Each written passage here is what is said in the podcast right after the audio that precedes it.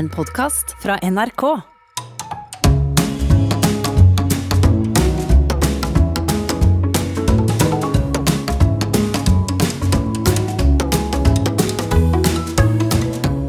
Hjertelig velkommen til Sånn er du her på NRK P2 med Nils Brenna Hei.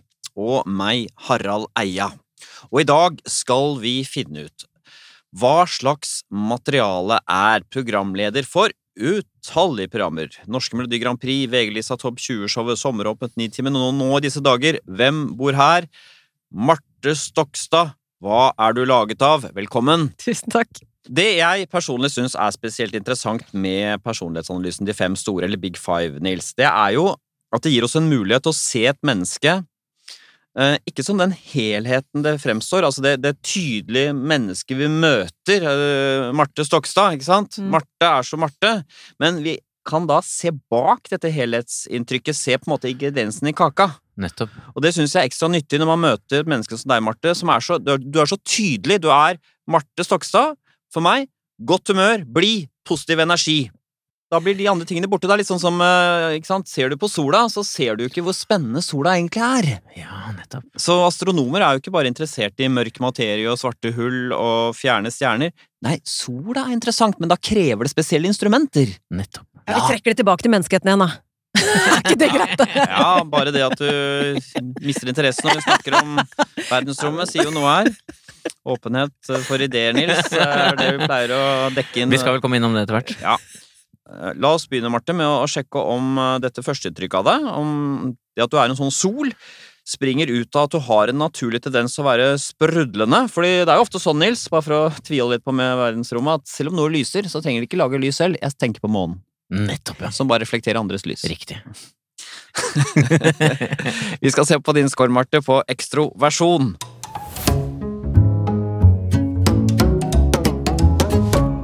Ekstroversjon handler om hvor mye glede og kick man får av den ytre verden, men også hvor mye energi man investerer i verden og stråler ut da. Og vi begynner da med denne underdimensjonen som heter positive følelser. Det er jo selve solfaktoren, kanskje, ja? Hva tenker du, Marte? Har du mye glede og begeistring i deg? Absolutt. Nei, absolutt, ja. Og da kan vi si at du har fått tallet 65, som betyr at du er blant de 5% høyeste. Det vil si, i en gruppe på 20 personer, såpass mange, der er du den som har mest positive følelser. Ja, det opplever jeg ofte. Ikke sant? Et rom med 20, eh, hvor eh, det er mest både applaus, Ja. eh, jubel, utbrudd, gledesvin. med utbrudd, hva kan det være, for eksempel? Oi, se! Eller, å, er, det ikke, er det ikke fantastisk? Altså, det er klisjeene på rekke og rad, men det er eh, Å, så deilig hvis noe mat var godt, eller eh, Og jeg roper eh, navnet høyt ut på de som kommer inn i rommet. Ja, du gjør det? Å, Roar! Ja. og jeg trenger ikke kjenne Roar så veldig godt. Eh, men det er, det er det før jeg på en måte Jeg tar meg ikke sammen heller, men det er impulsen min. Jeg kan for eksempel når jeg kjører i nabolaget så, og ser bare en nabo som går forbi Det gjelder ikke alltid hvis jeg skal møte noen, men, men da kan jeg rulle ned vinduet og rope Nabo! navnet. Ja. Hei, hei! Noe som Ja, datteren min Hvorfor hoier du, hvorfor hoier du, liksom? Nei, men jeg skulle jo si det er eh, Marius, naboen, som var ute og skifta dekk. Men hvorfor hoier du? Nei, men det er jo bare en annen måte å si hei på. Hva er det som gjør at du må ut? Hva er det inni deg? Det er en forventning Eller det er en, det er en umiddelbar reaksjon på at det skjer noe. Ja. For jeg trenger at noe skjer som Ja. skiller dagene fra hverandre, og det Ja. trenger ikke å være mer enn en handletur. eh, at eh, nå begynner det å regne. Eh, Kan det være positivt, da? Det begynner å regne? Ja, for da skal vi kose oss. Yes. Ja, da er det anledning til å bake og tenne lys. Så jeg, jeg gleder meg veldig over, til ting. Ja. Og så em, er det bare at noe, at noe skjer i dagen. Apropos som du snakka om eh, sola og fløyt litt ut der, så syns jeg jo det er interessant å snakke med folk som er veldig opptatt av det. Ja. Jeg personlig er kanskje ikke så opptatt av det, men når jeg begynner å gå inn og skal gjøre research, for eksempel, så blir jeg veldig entusiastisk. Du har blitt begeistret også Begeistret, ja. Nettopp. Veldig. Ja. eh, for tematikken. Og så faller det. Når vedkommende har forlatt Ja, studio. nettopp, ja. Men er det, i den der Hvem bor her, eh, merker du at du har begeistring på lager der, eller? Ja, absolutt. Hvordan er det du merker det der, eller hvordan er det kommer til uttrykk? Det begynner jo med at jeg ankommer uh, settet om morgenen, Ja. og da er jeg begeistra for å se folk igjen. hva, hva gjør du da? For nå skal vi kose oss, og det er jo Hallo! Altså, det er, og da tar man Men roper du flere, plass. Hvis det er flere navn, sier du alle navnene der? Nei, det gjør jeg ikke. Hei, dere, liksom. Men uh, jeg lar folk vite at jeg har kommet, ja. ja. ja. Og, så, og så er det uh, puttere, og så gleder jeg meg veldig til å møte deltakerne, for da skal jo de eh, mørnes litt, for de har jo ikke vært på TV før. Eh, så da syns jeg det er hyggelig å stå småprate med dem, gi Ja. de litt eh, tips og vink, fortelle liksom bakom ting fra andre episoder. Ja. Eh, jobbe med de før vi skal sette i gang. Ja. Fordi jeg har sett på noen av de programmene, det er ganske god stemning der. Er, Ja. du, da, er du med og liksom bygger den stemningen sånn sett, eller med begeistring? Ja, jeg håper jo det. Ja. Um, fordi de er alle går de, Ingen kjenner hverandre og vet ikke hva de skal være med på. Så da er det jo bare viktig å sørge for at de blir trygge og skjønne at det ikke er farlig. Ja. Det- Så jeg legger inn noen feil, for eksempel. Jeg stopper meg selv midt i en setning og sier 'vi må ta det på nytt'! er det sant? med vilje? Ja. Nettopp. Gjør du det? For, for at de skal føle seg ja, ja. trygge? Ja. Det er proft, må jeg si. Vi skal jo komme inn på dette med sosial dominans seinere, men når du kommer inn i et sånt rom og er så sprudlende og glad, har det noen gang slått at uh, folk på en måte syns at det blir for mye, eller at de selv kommer i skyggen, at det er liksom det tar mye plass med begeistringa det, eller er det, opplever du at folk bare syns det er hyggelig? Eh, Det er bare takket være økt alder at det har, at det har gått opp for meg. Å ja, det er det. ja. 20-årene tror jeg ikke Hvordan var du da? Eh, nei, jeg var kanskje enda mer eh, høypitcha og, og skrålete og tok enda mer plass. Ja. eh, og det endte seg ikke at eh, noen syntes det var slitsomt, men så fikk jeg meg kjæreste som er eh, mer dempa. Ja, han er ganske rolig altså. Veldig. Eh, og som jeg skjønte at også bare Han skjønte ikke helt språket mitt, liksom. Nei. For jeg kaster meg rundt. Før han Nå har vi vært sammen i 15 år, så nå skjønner han det. Så vet han at uh, sånn er jo jeg. Jeg vil jo bruke den energien for å dra med meg folk, Ja. eh, sånn at de også skal være inkludert, fordi at eh, ellers så Man er jo ikke en sånn festmidtpunkt aleine, Nei. men for å inkludere folk. Ja. Men så merker jeg jo at noen for eksempel ikke har den eh, energien, og kanskje også sender et blikk som er 'nå er du for mye', Ja, sånn. ja. da kan jeg roe meg ned. Det kan du. Ja, for ifølge testen så kan den høye scoren du har, eh, kan oppfattes av andre som overfladisk, fordi man har overdrevne emosjonelle reaksjoner. Absolutt. Det, har jeg ingen problemer med å forstå. Men jeg kan jo sitte og se på TV selv og bare ikke gidd å bli så glad for at vi har fått frukt på farmen! Det er altså, altså Hvor jeg tenker at nå må man roe seg ned. Men jeg har jobba mye med det. Jeg hører det? på gamle radiosendinger, for eksempel. Da er jeg 'Velkommen til P3!' Så jeg er så høy i pitch. Ingen sa det til meg Nei, det den gang da. Men eh, nå, for eksempel, så går jeg mer ned. For Ja. at jeg har eh, Det var Arild Odd Arvid Strømstad, faktisk, Ja. som sa det til meg på en Som er en Grand gammel hedersmann i NRK, Ja. eh, som har vært Han ga kulissene. meg et råd eh, da jeg skulle lede Grand Prix. Så sa han at du har nok energi selv når du er nede, så når du skal si hjertelig velkommen og strekker armene opp mot solen, så trenger du ikke også gå opp med stemmen. Ikke snakk til de der oppe, snakk nedenfra ut. Ja. Ja. Så i stedet for 'hjertelig velkommen', det treffer ikke folk. Men Det hørtes Men du presis må ut, det si han sa der. Hjertelig velkommen. Du må gå liksom Mm. Ja, så meget høy på positive følelser. Dette var jo ikke overraskende, Nils, at uh, den strålende blide Martha hadde mye av dette her. Hvis ikke så ville hun vært en veldig god skuespiller. Ja, så Utstrålingen 'Her kommer sola' den er liksom ekte og sann. Det er riktig. Mm. Men så er det ekstroversjonbuketten. Uh, Buketten er jo, har jo mange flere blomster. Ja. Da begynner jeg med å ikke si hovedskolen først. Uh, for en gangs skyld. Jeg begynner med en lav score. Spenningssøking. Den er toucha lav. Det er ikke sånn spenningskick. Overhodet ikke. Nei, ikke sant? Jeg ser ikke vitsen med for eksempel å kaste seg ut av fly, Nei. kjøre karusell. Nettopp. Og så er du på snitt på aktivitet, så det er ikke den energibomben man kanskje skulle tro. Det vil si at du har evnen også til å slappe av litt, da, kanskje. Eh, jeg tenker jo at jeg er litt, til tider litt lat. Men du er såpass energisk ellers, kanskje, sånn at det, i sum så blir det på Ja. gjennomsnitt. Ja. Og så er du på snitt på Det kanskje, vil kanskje overraske noen. Det er ikke lavt, men du er tross alt i anførselen bare på snitt når det gjelder sosialitet. Det vil si, de som er kjempehøye på sosialitet, de elsker masse folk hele tiden. Nei, det trenger ikke være så mange folk, men det må være riktig folk Ja, nettopp. som jeg syns det er gøy å være sammen med. Nettopp, og da, Det fører oss over på uh, ekstravert varme, som er hvor lett du knytter deg til folk, og der er du veldig høy. Så det vil si at du har et inderlig og nært forhold til ganske mange, antageligvis. Det stemmer. Har du, har du mange nære venner, som vi pleier å spørre om her? De som jeg tenker på som venninner, som er nære venninner, 15, 16 Såpass, ja. kanskje. Ikke Det er venninner, det er bare kvinner i den innerste krets. Um, ja, men jeg har jo sånn vennepar Nei, jeg har også mannevenner. Ja da, men inn i de 15 innerste. Nei, det er, det er jenter, ja. Det er ganske mange, må jeg si. At den 15 nære venner Det det er mange, Harald. Det må du kunne si. Det er veldig mange. ja. Som jeg tenker at jeg, alle kan dele like mye med, da. Hvis det hadde skjedd noe drøyt eller rart i ditt liv, sånn, så kunne du sagt til alle disse 15. Ja. Nettopp. Ja, det må jeg Ikke på samme tråd, antageligvis, men jeg hadde Men skravla hadde gått eh, i mange retninger etterpå. Dette, dette, ja, det, og denne høye scoren på ekstrovert varme, det gjør at denne overfladiske diagnosen vel ikke er helt presis, da. For Nei, du går dypt inn og er personlig. Overfladiske mennesker de, bare, de er jo kjent for å bare skumme overflaten hele tiden og aldri gidde å knytte seg ordentlig. Nettopp. Ja, det er jeg veldig opptatt av. Så er det, et, det er et godt tegn eh, på å se om jeg knytt, har knytta meg til folk, og det er ganske kjapt inn i samtalen så foreslår jeg nye ting vi skal gjøre sammen. Ja. Eh, Hvorfor det? altså, Nei, fordi at jeg vil ikke at det skal stoppe. Ja, Her sånn, Her er det så god stemning.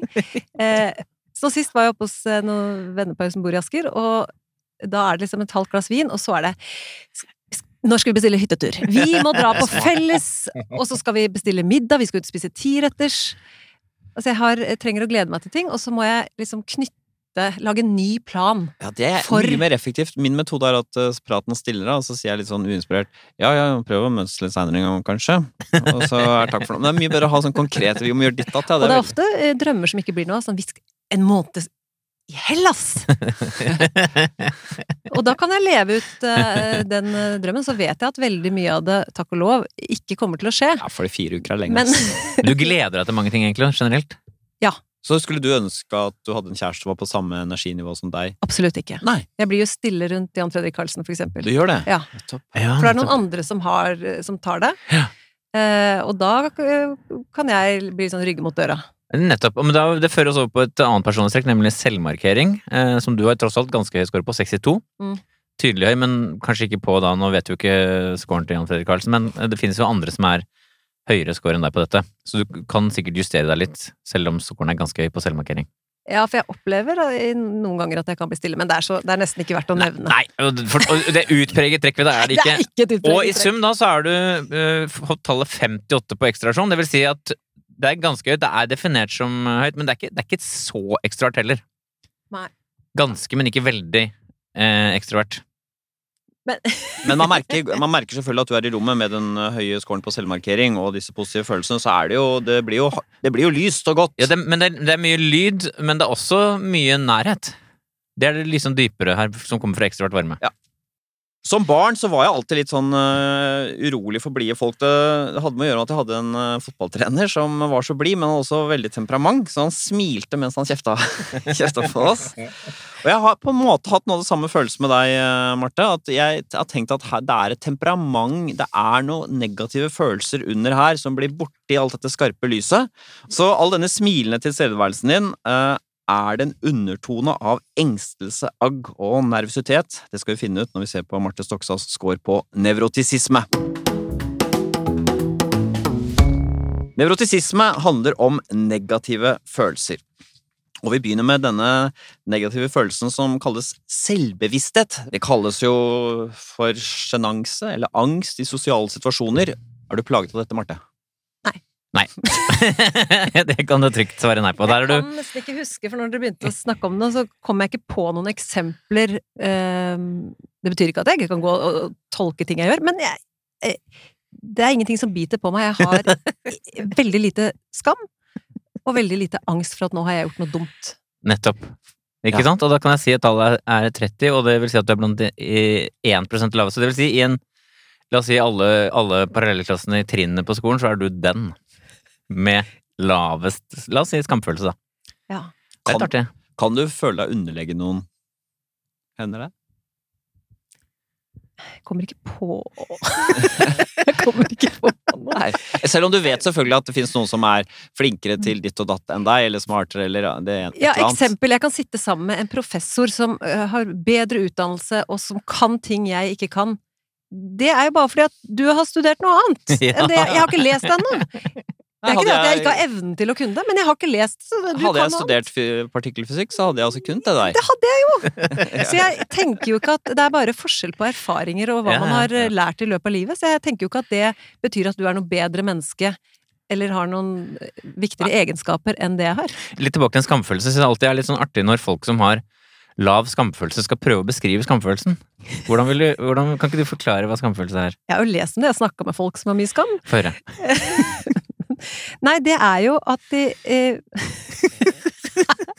At de føler at eh, jeg gjør det ikke bra nok, der eh, jeg blir eh, Får ikke sagt det jeg vil si, jeg leverer ikke som forventa.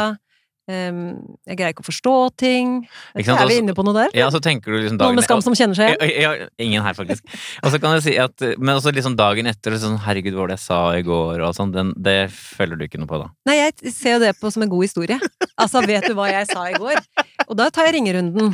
Da kan 15 venner få gjennomgå. For det er jo noe av det gøyeste er jo å sladre på seg sjøl. Hvis man gjør noe, så tenker jeg det er utelukkende en god historie.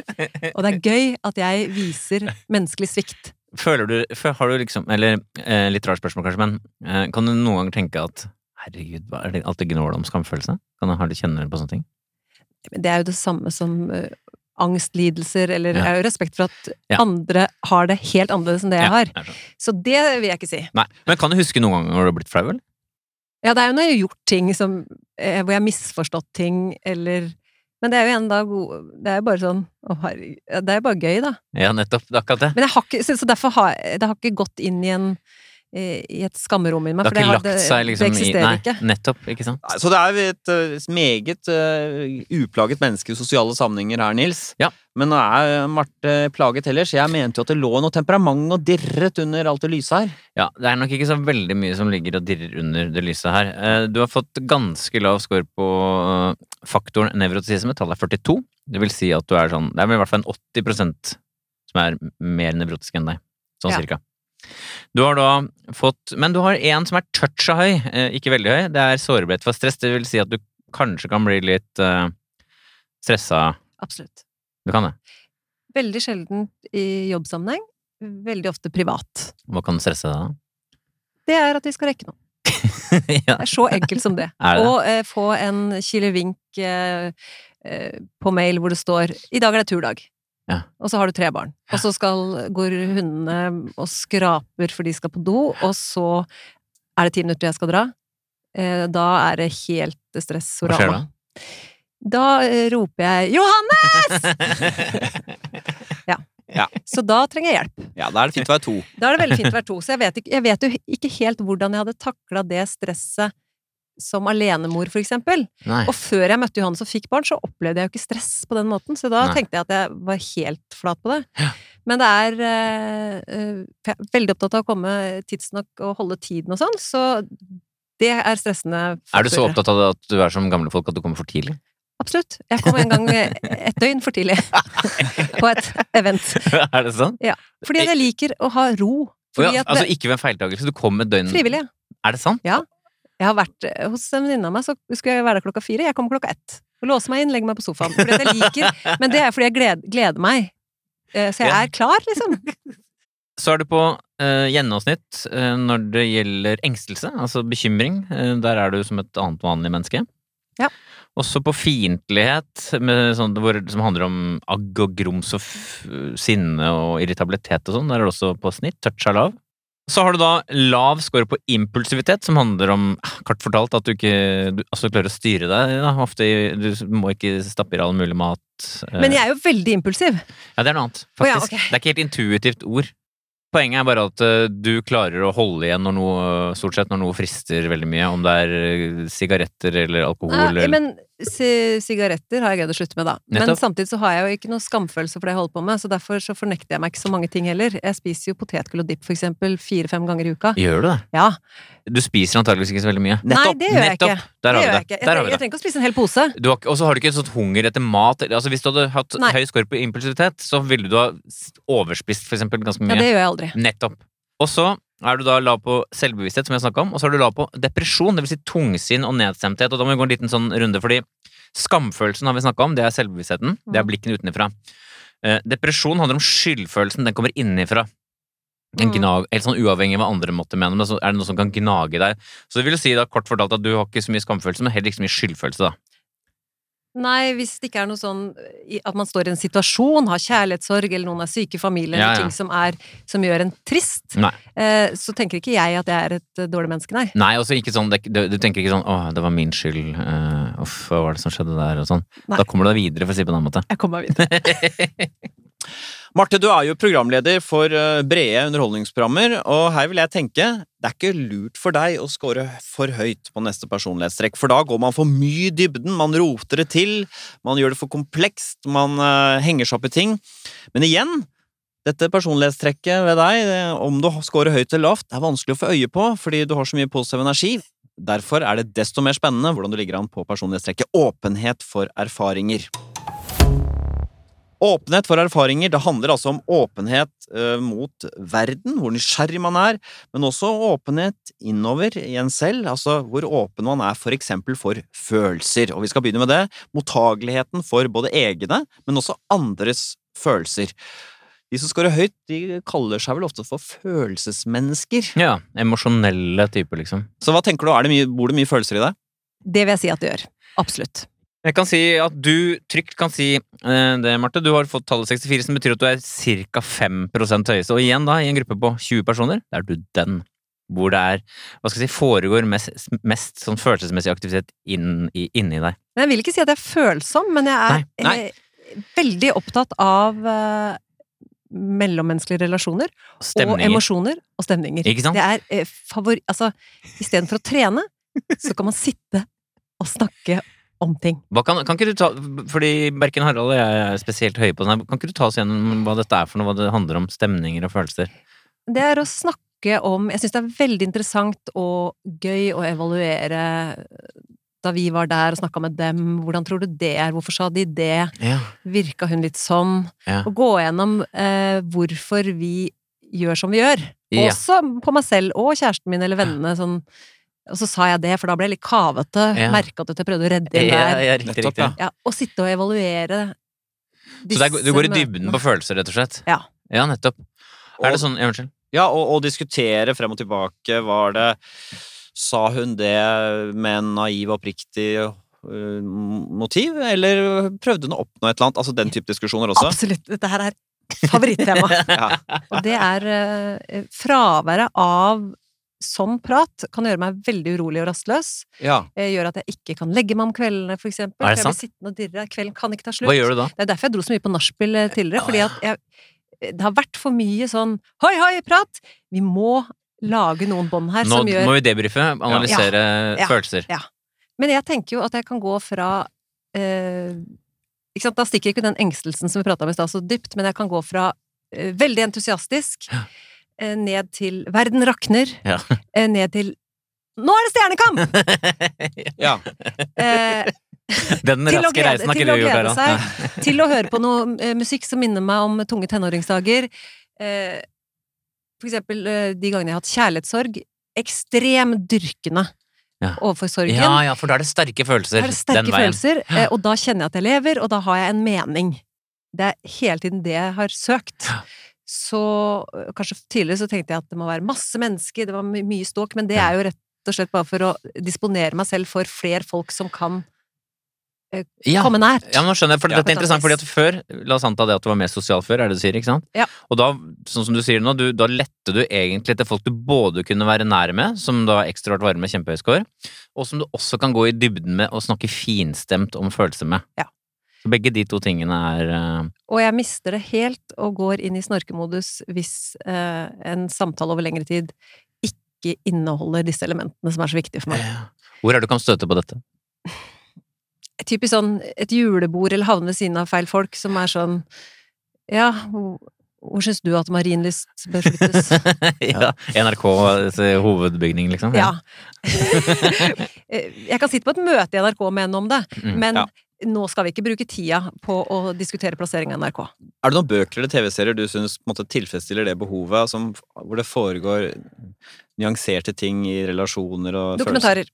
Det er dokumentarer. Ja, jeg elsker dokumentarer. Ting som har skjedd i det virkelige Ja, så ikke sånne liksom Narkokartell, eh, massemordere, eh, folk som har eh, For sykelig forhold til dyr. Ja, men altså, Ja. det må være ekte. Ja. Eh, Ja. Det er det beste jeg vet. Da tolke fjes og se hva som foregår, undertekster Jeg får historiene. Du har jo da høy åpenhet for følelser. Det betyr at du syns det er interessant å snakke om følelser, men så blir spørsmålet syns du det er interessant å snakke om ideer. Det er også en underdimensjon under åpenhet for erfaringer. Dette som heter åpenhet for ideer, altså teorier. Eh, la oss si du liker å snakke om eh, ideologier, eller hvorfor, eh, hvorfor er mennesker her i det hele tatt? Ja, ikke sant? Å, det var snork, eller, Marte? Nei, men Var det en snorkelyd? Nei, jeg bare trakk pusten. Ja. Jeg trodde du trakk pusten i en sånn Jeg må knytte det Jeg må knytte det innover til eh, noe gjenkjennbart i meg. Når det, ikke, når det er temaer som ikke er forankra i noen menneskelige følelser, Nettopp. så eh, detter jeg av. Og det er kanskje de eneste gangene hvor jeg sosialt føler meg eh, Og ikke mindreverdig eller sånn, men hvor jeg bare Her Da blir jeg stille. ut. Jeg zoomer ut. Jeg skjønner. ja. Eh, Husker du noen sånne temaer som du zoomer ut fra? Nei, det kan være sånn Hva hvis bystrukturen var annerledes? Ja. Bystrukturen? Ja, ja, men skjønner du, hva hvis vi hadde et annet samfunnssystem, da? Apropos sånn bystruktur og sånn, har du engasjert deg mye i sånn hvor Munch-museet skal ligge? Tror du det? Nei. Korrekt. jeg, og der er jeg veldig lite bastant også. Hvis du Ja. hadde hatt én mening, da, så hadde jeg hørt på deg. Ja. Så hadde jeg tenkt hørtes fornuftig ut. Harald sier noe annet. Høres også fornuftig ut. Enig med Så da kan jeg skifte mening. Ja, ja, Det er ikke så viktig for meg. Nei, Vi kan si at eh, din score på åpnet for ideer, eh, også kalt intellektuell nysgjerrighet, er på 37. Det vil si at du er eh, tydelig lav. Cirka Ca. 10% laveste. Greit. Hva tenker du nå, Marte? Nei, jeg tenker at det er helt korrekt. Og du er ganske sånn, sånn som jeg har sett deg i en del sammenhenger, du, du er ganske kjapt ute med å si rett ut at du syns det er kjedelig. Eller du er ganske åpen på det. Du, du syns Fordi ellers så leser man fjes eh, hvor, jeg så, hvor, jeg, hvor jeg ikke ligner på meg selv. Altså, jeg, jeg faser ut. Ja. Så før jeg faser ut, så må jeg bare si det. For ellers så kommer det noe sånn at du eh, Ja, det er som i den boka, og så refererer du til en bok som jeg ikke har lest, og som jeg ikke er interessert i å lese. Og så må jeg liksom nikke sånn Ja, jeg vet den boka! Jeg later som jeg vet den boka. Så jeg må stoppe deg før du kommer dit. Ja. Ja, for da gir, da gir du tydelig beskjed. Ja. Ja, ikke lur på det, liksom. Ja, kan ikke snakke om noe annet. Ja. Men du er jo da, du er jo da dyb, dybden i deg ligger da knyttet til følelsene, rett og slett. Ja. Men du har jo tross alt en fordel med at du er, det du er interessert i, er ganske stort og allment, da, nemlig mennesker Ja. og følelser. Ja. Hvis du bare var interessert i verdensrommet, for eksempel, så ville du vært smalere. Ja, men da må jeg finne det smale, for jeg kan finne det interessante med det meste, Ja. men det kan ikke være for eh, teoretisk Nei. og utsvevende. Du er, du er opptatt av astronomene, men ikke av himmellegemene. Helt korrekt. Ja, det er godt sagt, Harald. Ok, i sum på åpenhet, så er det på snitt. Ja. Du har eh, lav score på ideer, som jeg snakka om, og så har du litt, ikke veldig, litt lav på estetikk, eh, som handler om kunst og kultur og sånn. Da jeg så den relativt lave scoren din på estetikk, Mm. eh, 44, så, og jeg har sett deg jo lede programmer som handler om musikk, så jeg, tenkte jeg liksom fordomsfullt aha, Marte Stokstad, hun liker først og fremst musikk som gir god stemning, ja! Nei, absolutt ikke. Nettopp! Der tok jeg feil. Jeg syns det er gøy med Grand Prix, som er uh, iscenesatt, og en, det er jo en uh, ting som gjør at hverdagen skiller seg ut. At uh, det er noe som skjer en gang i året, som en olympiade, da. Men uh, lettbeint popmusikk har jeg ikke så mye til overs for. Nettopp, ja. Fordi eh, for eksempel hjemme nå så hører vi på jazz, bossa nova og som vi gjorde i hele august, Hawaiian music. For vi har fått basseng i hagen, og så ville jeg ha den følelsen av at jeg var på Hawaii uten å ha vært der. Aha, Så så så, sterkt virker musikk på deg at du faktisk får en Hawaii-følelse av å høre på står jeg på Hawaii-musikk. morgenen og setter på Hawaiian Ja. eh, spilleliste, som durer og går helt frem til kveldstid. Yes, dette var Og nå er det jazz! Jazz, jazz! Altså, Jazz, jazz. Som ligger som et teppe gjennom hele dagen. Så er du på snitt eh, på fantasi, eh, så, altså forestillingsevne og sånn, og så er du på um, snitt mot eh, touch på, høy på handlinger, det vil si at du er en blanding av å like rutiner og variasjon. Så er du høy på følelser, som vi har snakka om. Sånne utadvendte mennesker som deg, Marte, som er så varme og glade, det er jo alltid vanskelig å si om dere også er snille og greie, ikke sant? I Bærum, der hvor jeg kommer fra, Nils, der var det en spesiell mennesketype. Det var den glade kyniker. Mhm. En salgsmann som kunne sånn sjarmere blitzere, men som egentlig gjerne skulle sendt alle blitzere i fengsel.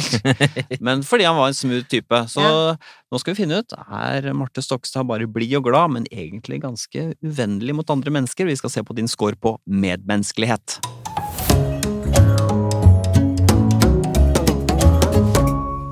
Medmenneskelighet det handler om man møter andre mennesker med åpne armer, er imøtekommende, medgjørlig, eller om man møter dem med piggene ute. Og disse piggene, Nils, det går jo på at da eh, blir det konflikter med Ja. folk. Da er det, oppstår det friksjon. Motstand og vanskeligheter, da, fordi folk gir motstand. Og en typisk måte å gi motstand på, det er den første underdimensjonen under medmenneskelighet vi skal ta for oss, nemlig føyelighet. Oppstår det konflikt med andre mennesker, er man da defensiv? Da scorer man høyt. Er man føyelig, da føyer man seg. Scorer man eh, lavt, så er man mer konfronterende. Hvordan er det med deg og konflikter, Marte? Jeg er ikke så glad i det. Nei. Nei.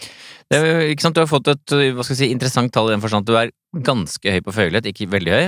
Tallet er 58, det vil si 80% cirka er for å bruke litt flåsete uttrykk, mer glad i å krangle enn det du er, da. Ja. Så du, du vipper på den siden at du ikke er så glad i konflikter. Jeg eh, har for eksempel eh, sagt opp en leieboer ved å flytte ut selv. Altså, jeg leide ut stua mi. Så tenkte jeg dette går ikke lenger, og istedenfor da å si til leieboer at du må ut av stua mi, så da får jeg gå, da. Jeg eide leiligheten, flytta inn til eh, en kompis som da var i utlandet, og bodde der, og sneik meg inn en dag og skrev en lapp, en lang sånn beklagelseslapp, hvor jeg tror jeg til og med løy og sa at jeg hadde arva noe penger, sånn at jeg hadde noe økonomi til å ha stedet for meg selv. Så jeg møtte aldri hennes blikk. Med, Nei. Nei, og vi hadde aldri en samtale om at du må flytte ut, for dette funker ikke lenger. Interessant all den tid du er så lite sjenert og kjenner på så lite skam og skyld, men akkurat sånne konflikter av den type der, det misliker du så sterkt, ja. Ja, for jeg er redd for at hun blir satt ut, og at jeg må se det og forårsake det. Eh, og så er jeg Syns jeg det er ubehagelig. Jeg Ja, synes det er det det går på, ikke sant? Ja, jeg syns det er ubehagelig. Kan ikke du si litt om hva er det det ubehagelige, liksom? Det er vel når det går På jobb er det litt annerledes, for da er det Ja. liksom eh, fag, og vi skal uh, lage noe sammen og sånn. Da kan jeg være ganske streng Ja. uh, og si hva jeg mener. Men når det er det derre mellommenneskelige 'jeg Ja. kan ikke komme i bursdagen din', eller å si ting rett ut hva jeg vil og ikke vil, Nei. der uh, prøver jeg å gjøre det lettest mulig for motpart å svelge. Ja. Det skal ikke bli for hardt. Nei, for det kan jeg legge til her, da, fordi du har jo, i tillegg til at du er litt um, Vi kaller det konfliktsky, la oss si det. Så er du også litt lav på rett fremhet. Det vil si, det er litt det at du ser an litt. Ser Så både du, før, det, før det smeller, da, for å si det veldig enkelt, så ser du an, tilpasser. Ja. Og når det smeller, trekker deg unna. Ja. Så det betyr jo at du, det som, det som Da litt tilbake til den sola han hadde i starten, så det man ser, er sola. Men hva, du, hva sola egentlig mener, eller Sola sånn, har ikke noe mening. Det bare skinner for det og Det er god stemning som gjelder. Men for eksempel, hvis jeg og eh, Harald har sittet og snakka om et eller annet, mm. og så kommer du inn i rommet og Mm. mener noe annet, og så sier Harald ja, Marte, du var jo veldig imot det. Ja. Flyttingen av Munch-museet, for eksempel. ja. Eh, for da kan jeg fyre av og kanskje ha en mening, som jeg kanskje ikke kjenner helt i ryggraden, men jeg har tatt et standpunkt, da. Og så kommer du inn og mener det motsatte. Da kan jeg være kapabel til å jekke ned det jeg har sagt til Harald, for å bare Jeg orker ikke at det skal være sånn Ja. motpol her, for jeg er jo litt enig med deg òg, så Mm. kan vi ikke bare Du har jo nå et ekteskap og sånn, men øh, du har jo sikkert vært sammen med andre menn og gutter. Hvordan har det vært for deg å slå opp med dem? eh, Det er vel som en sånn ålete fisk som bare du kjenner Ja. at spreller litt, og så hopper jeg ut. For du, i de tilfeller så hvis vi hadde vært sammen, så det, da hadde du ikke sagt noe, jeg bare hadde merka det? Er det litt sånn? At du ikke er så interessert lenger? Er det sånn det foregår? Ja, det hadde du nok merka. Men samtidig, du sier det ikke. ut. Ja. Åla, har du sagt Ja, noe? Jeg hadde ikke ringt eh, For eksempel, i et forhold så blir man jo kjent med familien, man tar ikke ringerunde da, Nei, og det er slutt, men Men hadde du sagt du, vi må snakke sammen om noe Ja, jeg har jo gjort det. Ja. Ja. Men du syns ikke det er Eh, noe gøy, da, for å si det sånn? Nei, det syns jeg ikke er noe gøy, men jeg driver det kanskje såpass langt at eh, Presser det til at det er motparten som til slutt må si at dette går ikke lenger. Ja. Nei, men det var i hvert fall mye sånn før, at jeg eh, heller eh, heller mot å være en dårlig kjæreste over tid, og så Og så kommer de til slutt og sier at dette går ikke lenger, og så sier du å, det var dumt, og Ja, ha det bra, og heldigvis. ja. Mm. Føyelighet det er jo da et medmenneskelig trekk. ikke sant? For vi merker at det er ikke at Marte er redd for konflikt, hun bare vil ikke at det skal ødelegge stemningen. Ja, hun liker jo ikke Hun er jo litt redd for konflikt, da. Men er er du det? redd, eller er du bare Nei, jeg er ikke redd. For eksempel, eh, jeg kan sende en streng beskjed til McDonald's-ledelsen hvis vi på en søndag har svingt innom og jeg ikke fikk med meg det jeg har bestilt Ja. på drive-thruen, for eksempel. Men kunne du Eh, møtt opp? For da kan jeg merke det. Men Det skjønner jeg, men det er på avstand. Kunne du møtt opp og tatt kampen? Ah, kanskje mer nå enn tidligere. Men, Ja. ja. men jeg, jeg hadde nok sendt mail, ja. ja. så er det den underdimensjonen under medmenneskelighet som kanskje de fleste forbinder med det prososiale, og det er empati. Eller følsomhet, vi kaller det. Sympati og medfølelse for andre mennesker. Mm. Skårer man lavt, da mm, er man da realister, tar rasjonelle beslutninger basert på mer fornuft. Eh, Skårer man høyt, så kjenner man veldig på andres behov, og også da politisk opptatt av å verne om humanitære verdier, eh, ifølge vår test. Så hvordan tenker du der? Er du en sånn utpreget empatisk type? Det tror jeg. Det er du. Du har fått tallet 61, som er eh, innenfor, innenfor 15 eh, høyeste. Det vil si at det er jo da over 85% som er lavere enn deg, for å si det på en annen måte. Så det er tydelig. Hvordan kan det slå ut, dette her? Jeg tenker jo at det er litt i sammenheng med disse følelsene, at jeg tar inn over meg og kan ofte tilegne folk tristere liv enn det de har. Mm. Eh, og da blir jeg eh, veldig prega av det. Ja. Eh, For eksempel på søndag så så jeg en unge som lekte aleine på lekeplassen, mens jeg var der med mine barn, og så sier jeg til eh, Signe, vet du hvem den gutten er? Nei, jeg kjenner han ikke. Nei, men gå bort og lek med han, sier hun. Men jeg kjenner han ikke, hun ville ikke det. Nei. Og da er- farer jeg innom tanken, lager jeg opp en historie om at han er eh, ensom, har ikke noen venner, foreldrene tar kanskje ikke vare på han, legger jeg til. Han er alene der i T-skjorte, og det er litt kaldt. Eh, skal jeg nå invitere til filmkveld, for eksempel, og Ja. få han inn? Ja. Nettopp. Eh, så da blir jeg, får jeg veldig vondt. Ja, for da invaderes du litt av det du opplever der. Ja. Men samtidig så er jeg jo ikke større enn at jeg uff, gys litt av den tanken, og så ga jeg meg Gyser du av den? Hvorfor det? jo, fordi at jeg syns det er ubehagelig.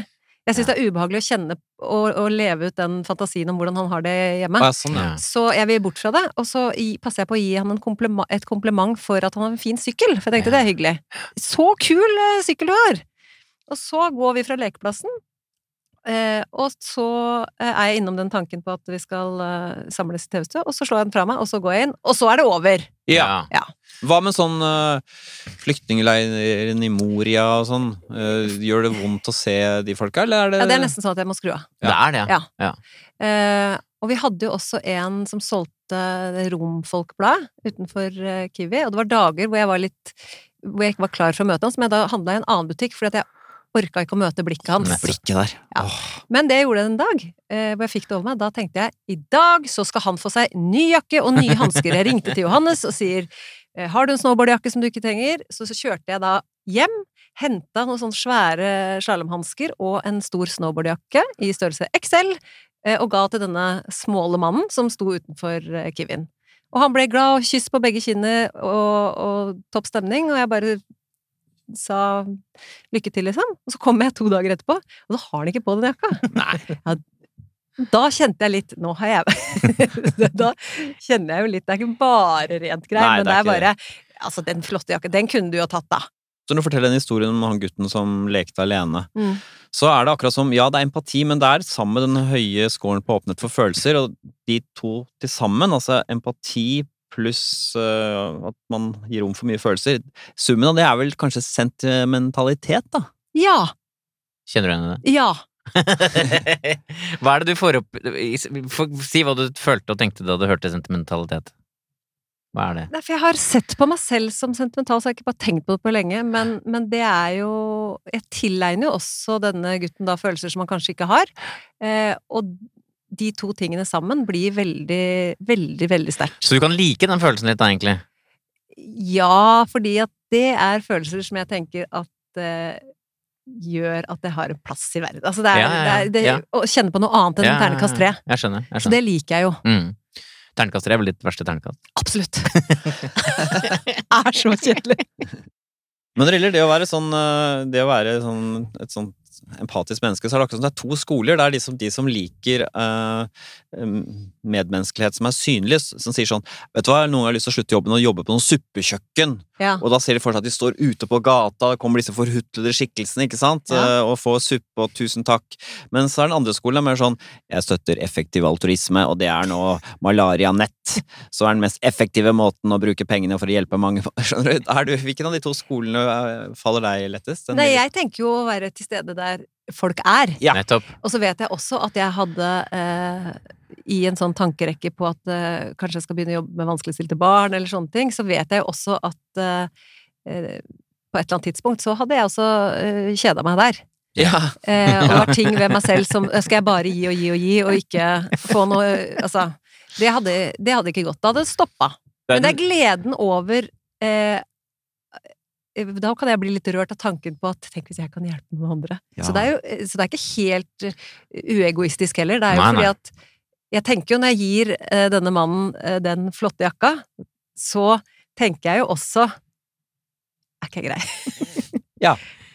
Sånn syns jeg at verden skal være. Skulle, skulle ønske noen så deg da du gjorde det. Jeg så deg i jakken til Nei, jeg trenger ikke at så mange ser det, men jeg ringer til Johanne og sier 'vet du hva jeg har gjort nå'? Ja, tenk på det. Ja. Ja. For det er utenkelig å ikke dele det, for å si det sånn, etterpå. Ja, det er ikke fordi at det er 'nå må jeg vise at jeg var snill', men Nei. det er utenkelig for meg å ikke dele det meste. Ikke sant, fordi du er Ja. ekstrovert. Det er jo ekstrovertes ja. trekk. Og du er jo også den ekstroverte hjelpen som vil stå i suppekjøkkenet og snakke med folk. Ja. Skjære gulrøttene på bakrommet. Ja. Det hadde jeg ikke giddet. Nettopp. Så ellers, eh, Nils, eh, på medmenneskelighet, er Marte en medgjørlig eh, prososial type? Ja, i snitt så er hun ganske høy på medmenneskelighet. Eh, hun har lav score på rett fremhet, som vi har snakket om. Ser an litt, roser litt, Ja. tilpasser. Det er på snitt på beskjedenhet, eh, som er sånn eh, man kunne kanskje tenkt at Noen vil kanskje tenke at du er selvgod og vil ha et lav score her, men det er du ikke. Du er gjennomsnittlig. Du er ikke overydmyk heller, men du er på snitt på beskjedenhet. Ja. Altså ikke selvgod. Og så er du høy på føyelighet, som jeg snakket om. Eh, Høy på følsomhet slash empati, som jeg snakket om. Og så er du eh, ganske høy på tillit, det vil si du er ganske tillitsfull. Du går ikke rundt og mistenker at folk er ute etter noe, liksom. Jeg har jo forsøkt å på en måte etablere mysteriet Marte Stokstad. Det virker så lite mystisk å være så, sånn gladlaks som hun er. Men tenker du selv at det er mystisk? Eh, nei. Ikke mystisk. Nei. Men jeg har nok eh, Syns nok er eh, litt eh, korttenkt hvis eh, Det er gøy at jeg legger det over på andre, at det er Ja. de som er korttenkte. Men eh, hvis man ikke ser at det er noe mer der enn eh, bare jubel og Du har jo psykologisk dybde, munterhet. har vi snakket om. Psykologisk dybde har du jo. Ja, så det er vel kanskje den biten, da, som Mm. eh, kan irritere meg hvis ikke folk ser. Nettopp. Altså, jeg har jo på en måte forsøkt å si at uh, her er det mer uh, mystikk enn man kanskje tror med en gang, og du bekrefter da at folk flest ikke uh, tror at det bor så mye mystiske ting i deg. Men jeg vil nå gå inn på personlighetstrekk som jeg tenker er eh, noe man ikke får øye på i denne alltid lyse, og det er viljen din til å komme deg opp og frem. Marte Stokstad, nå skal vi endelig finne ut hva din score på planmessighet er.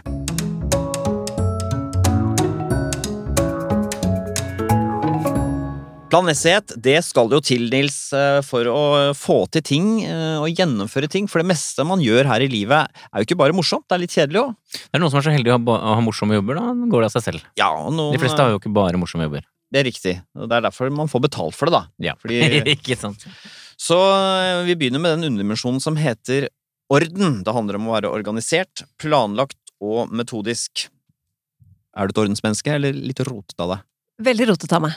ja, du er det. Nei, men jeg er ikke så nøye. Nei, og, og bare for å ta tallet litt, da, det er 33, og da begynner vi å bli da begynner vi, Det er liksom godt innenfor 5 2-3 prosenten. Ja. Ting har ikke sin faste plass. For eksempel, hva har ikke sin faste plass? Nei, altså Fem første årene vi bodde i huset, så hadde vi for eksempel en skuff hvor det var eh, eh, et sausnebb, et tennisball og, og trommestikke. Skuffen. Er det sant? De tre tingene har bare ligget der, og jeg har ikke ensa at det er noe problem. Nei. Er det litt sånne kjedelige ting i husarbeidet som du ikke gidder, for eksempel? Nei, jeg gjør det meste. Jeg holder på. Jeg syns jeg holder på hele tiden, jeg. Ja. Det er altså så mye som skal gjøres. Men jeg gjør det jo halvveis. Altså, jeg er jo veldig unøyaktig. Eh, For eksempel nå har jeg drevet og malt vegger. Ja. eh, Og da smeller jeg opp farge, og så tar jeg Jeg bruker ikke maskeringsteip, for eksempel, for jeg tenker jeg kan Å, tørke det av. Ja.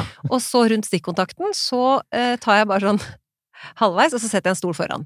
Ja. På det verste så har jeg malt gangen, flisene på gangen, og så gadd jeg ikke å dra fram kommoden, så jeg bare malte rundt.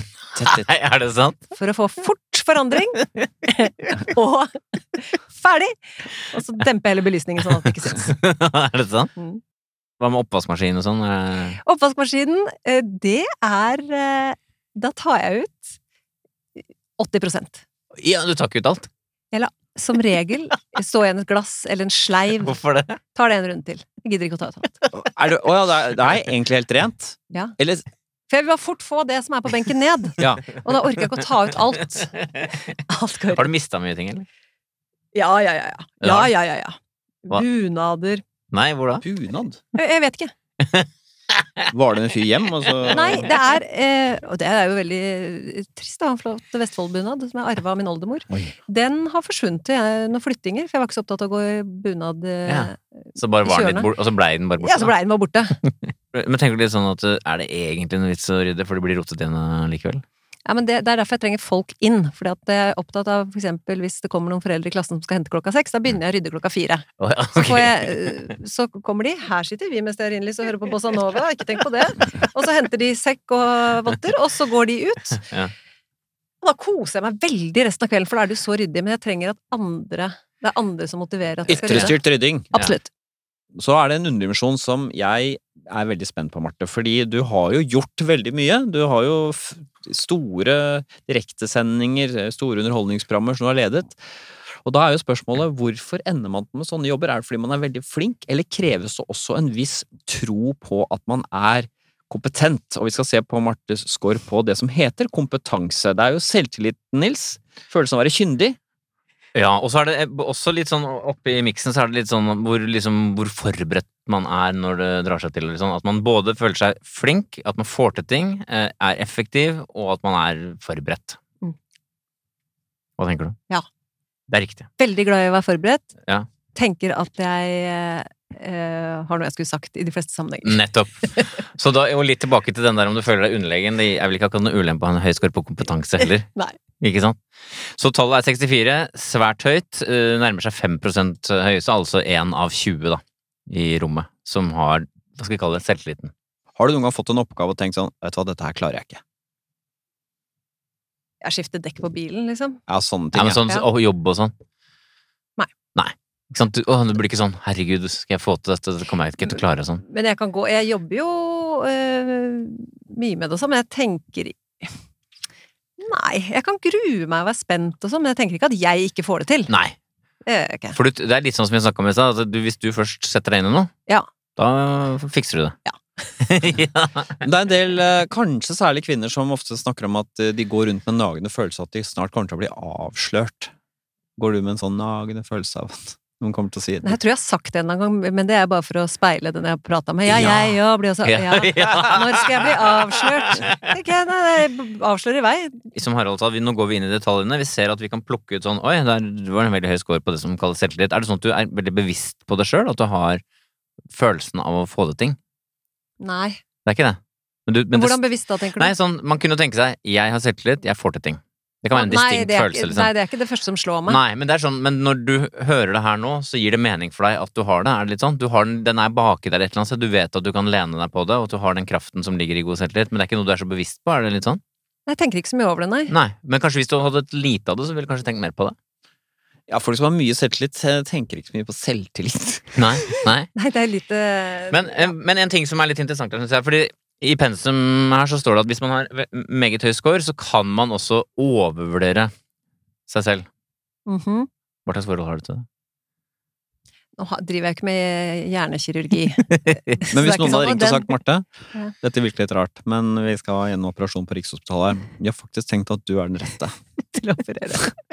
Nei, men da hadde jeg sagt som uh, fjellklatring Nei, men det skal ikke jeg gjøre. Det kan jeg ikke. Hva med kulturminister? Du mener at du faktisk ville vært en veldig god representant? nei, nei, nei, jeg skal ikke være norsk. Jeg skal ikke ha personalansvar. Ja, ok, Eller jeg det har vel ikke så- kulturminister. Jeg vet sannelig ikke. Nei, så jeg er veldig bevisst på Men det, det, eh, jeg vet veldig godt hva jeg ikke er god på, og det har jeg ikke noe problem med. Nei. Nei. Verken å si eller Jeg jobba på vikarbyrå og gjorde en kjempedårlig jobb. Eh, fordi jeg tok meg friheter som jeg ikke burde ha tatt. Og Hva da, for eksempel? Nei, jeg jobba på inkassobyrå. Ja. Eh, og så var jo min oppgave da å kreve inn penger. Det er jo det man skal gjøre. Du skylder eh, 100 000 kroner, vi må finne en nedbetalingsplan. Jeg utsatte mange saker, for eksempel. Sier jeg skjønner godt at du har det, jeg har mange folk, venner sjøl, som sliter med økonomigreiene. Vi, vi snakkes om et halvt år. Det Ja. hadde ikke jeg egentlig lov til å gjøre. Mm. Men da tok jeg meg friheter, så da gjorde jeg en dårlig jobb. Visste at jeg kunne Men jeg forsvarte det, og syntes at jeg oppførte meg greit i forhold til de folka som skyldte penger. Og hadde ikke noe proble har ikke noe problem med å si at jeg ikke gjorde en kjempegod jobb der, for det var ikke så viktig for meg. Nettopp. Ja. Men den jobben jeg har nå, er jo viktigere for meg på en måte, men så når man zoomer ut, så er det ikke det så viktig heller, da. Nei, jeg skjønner. Jeg tenker, Kjæresten min kommer ikke til å gå fra meg hvis ikke dette TV-programmet funker. Jeg har barna mine, jeg Ja. har hus. Ja. Eh, jeg kan fortsatt uh, Det er, det, ja. det er evnen til å se litt lys på det, og mens andre har evnen til å se litt mørkt på det. Men det må ha vært en fordel, da, tross alt, eh, å ha den høye scoren for å gi seg i kast med såpass krevende og vanskelige og uforutsigbare prosjekter som en sånn stor TV-sending er, for eksempel. For det ja, ja. vil jeg anta, da. Ja, men du ler. Det er jo Jeg har Ja, jo vært, er... Jeg har vært i kulissene selv. Jeg har hjulpet Bård Bespellmann, for eksempel. Det er ganske sånn er ganske langt unna å ha kontroll på at dette blir kjempebra, fordi det er så stort og uhåndterlig. Ja, Jeg opplever det ikke som så stort og uhåndterlig. Jeg gjør det kanskje med en gang. Man får en oppgave. For eksempel nå skal jeg neste år kommentere Eurovision. Det kan jeg tenke at sånn Åh, det blir, er litt sånn uangripelig for meg. Mm. Så vet jeg at jeg kommer til å gjøre det bra. Nettopp, og det er den følelsen der. Men eh, før jeg begynte å jobbe med det, det er den mest plagsomme perioden, for da har jeg ikke oversikt, jeg har Ja. ikke kontroll. Med en gang jeg begynner å, ja, med en gang jeg begynner Nettopp. å knekke det ned, og Nettopp. det, og mellom de låtene Åh, da sier jeg jo det! Ja. Da vet jeg jo hvor jeg skal, men det er før jeg begynte å jobbe med det. Da kan jeg bli litt stressa. Og med en gang jeg setter i gang, så er jeg veldig trygg. Så relativt tidlig får du en følelse av at dette fikser du. Det er poenget. Ja. Hva skal vi si om samleskåren til Marte på planmessighet? Eh, Alt virker så lyst og lett, men finnes det en sånn tydelig peilepinne her? Struktur, retning, Nei, det gjør egentlig ikke det. Vi har snakka om lav orden. Det trekker jo ned, da, sånn sett. Du har også vært litt inne på det. Du har litt lav score på plikttroskap. Ja. Som da du jobba i inkassobyrå og tok deg friheter og følge dine egne normer og regler, ikke selskapets. Altså du kan være litt sånn Er ikke så nøye med lover og regler, er det det, ja? Er det så nøye? Eh, Veldig holdningen. ja. Ikke på de store grunnleggende Nei tingene, men på de småtingene så Er det så nøye? Ikke på menneskerettigheter, men på alt annet. Og så er du da eh, eh, på det som heter prestasjonsdreven, som rommer det ambisiøse. Der er du svært lav. Så, så ambisiøs er du jo ikke da, kan Nei. vi vel si. Eh, Du er jo kanskje ikke så veldig konkurranseorientert heller. Overhodet ikke. er du så lite konkurranseorientert at du kan være litt lat? Ja, for jeg gidder ikke å prøve engang. Nei. Du går ikke til sjefen og sier 'jeg vil lede det', jeg vil Nei, det gjør jeg ikke. Nei. For jeg tenker For eksempel det første jeg tenkte da Eurovision ble avlyst, så fikk jeg sånn fra en journalist sånn eh, Uff, er så kjipt og sånn. Det første jeg tenkte er Men da kan jeg være hjemme 17. mai! Ja. Da Altså- slipper jeg å reise! Men når du er så høy på uh, kompetanse, altså du føler at du er flink, men så lite ambisiøs, mm, hvordan er det for deg? Det er jo en bransje hvor på en måte, sjefene bestemmer du skal få lov til å gjøre ditt, du skal få lov til å gjøre datt, uh, og du selv driver ikke og grabber uh, Brageprisen, den er min. Ikke sant? Du holder ikke på sånn. Nei. Så hvordan blir det Noen ganger blir, føler du at du blir forbigått. Så har du noen sånne følelser rundt Er du nervøs rundt hva ledelsen Om de vil bruke deg noe mer? Om du liksom merker at du blir stillere og stillere? Nei. Nei. Jeg har jo nå vært i NRK vet Jeg var i TV 2 i ti år. Og så gjort litt eh, TV-programmer. Så har jeg hatt de adresseprogrammene fast. Eh, som har vært liksom på våren. Og så har jeg jobba Nitimen, og nå Hvem bor her? Og så kom Eurovision plutselig, og så ruller og går. Det er ikke noe å bekymre over. eh, Du tenker at dette får du til. Ja, det tenker jeg. Du både får det til, og det ordner seg. Og jeg vet jo altså det er jo ikke, jeg vet jo at eh, det kan skje ting som Ja. gjør at det ikke ordner seg. Men du er ikke hjemsøkt av den eh, følelsen at det ikke ordner seg? Nei. For det har liksom ordna seg.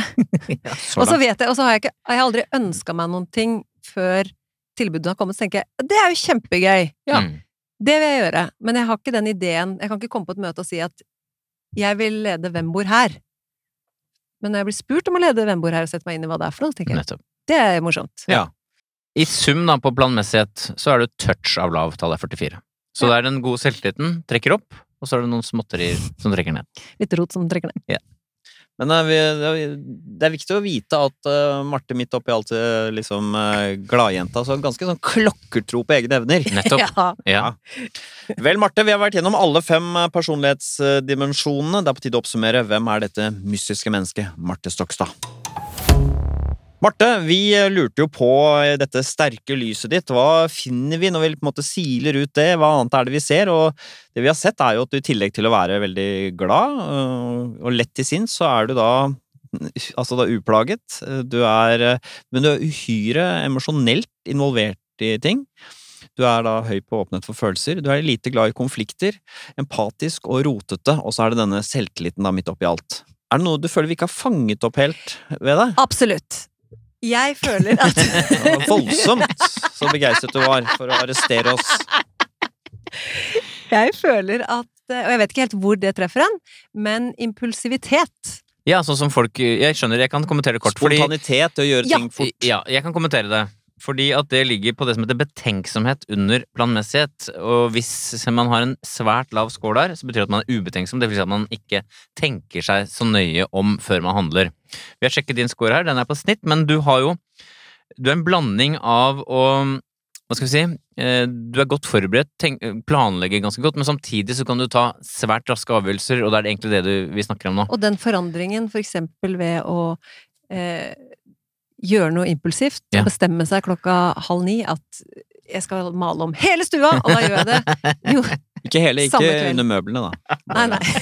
Men det som syns, da. Ja. Eh, Så det kan du gjøre. det er det eh, absolutt beste Så du går fort, du, du, handler fort og gjør det fort. Ja. Hvilke andre raske ting har du gjort som andre folk Nei, vi kjøpte jo valp eh, nå på Det var egentlig vi skulle En nabo som skulle ha valp, sendte meg at vi fikk valp. Ja, nettopp. Og den valpen kommer dagen før vi skal på ferie og er borte i fem uker. Ja. Vi skal kjøre ned til Kristiansand. Oi. For da har jeg rota meg inn i en sånn ja, okay. Sagt at vi kanskje ville ha Men syns du det er litt gøy å handle sånn fort? Er det det? Elsker det. Og det tror jeg er noe av nøkkelen her, Nils. At det er de høye scorene på positive følelser. At du får så, Ja. får så kick av det. Ikke sant? Jeg kunne også gjort ting fort og sånn, men Ja. kjøpe en valp ville ikke gitt meg så veldig mye, på en måte. Og så to, to dager før vi drar på ferie, så bestemmer vi oss for at vi skal få svømmebasseng! Og da eh, Altså, det er vel 40 000 liter vann som vi greier å tappe oppi. Eh, og så må vi dra på ferie. Men så skjønner vi jo at vi må ha varmepumpe, så leier vi ut huset eh, på eh, Airbnb hele juli for å finansiere varmepumpa. Og da kommer Hawaii-musikken og eh, sydenstemningen i august. Og alt dette skjer ganske fort, det poenget. Kjempefort. Ja. Fy søren. Ganske gøy å leve sammen med deg. Men jeg har en kjæreste som er akkurat lik.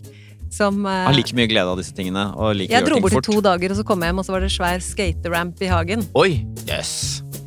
Supergøy! Takk for at du kom, Marte. Tusen takk for at jeg fikk komme. Takk.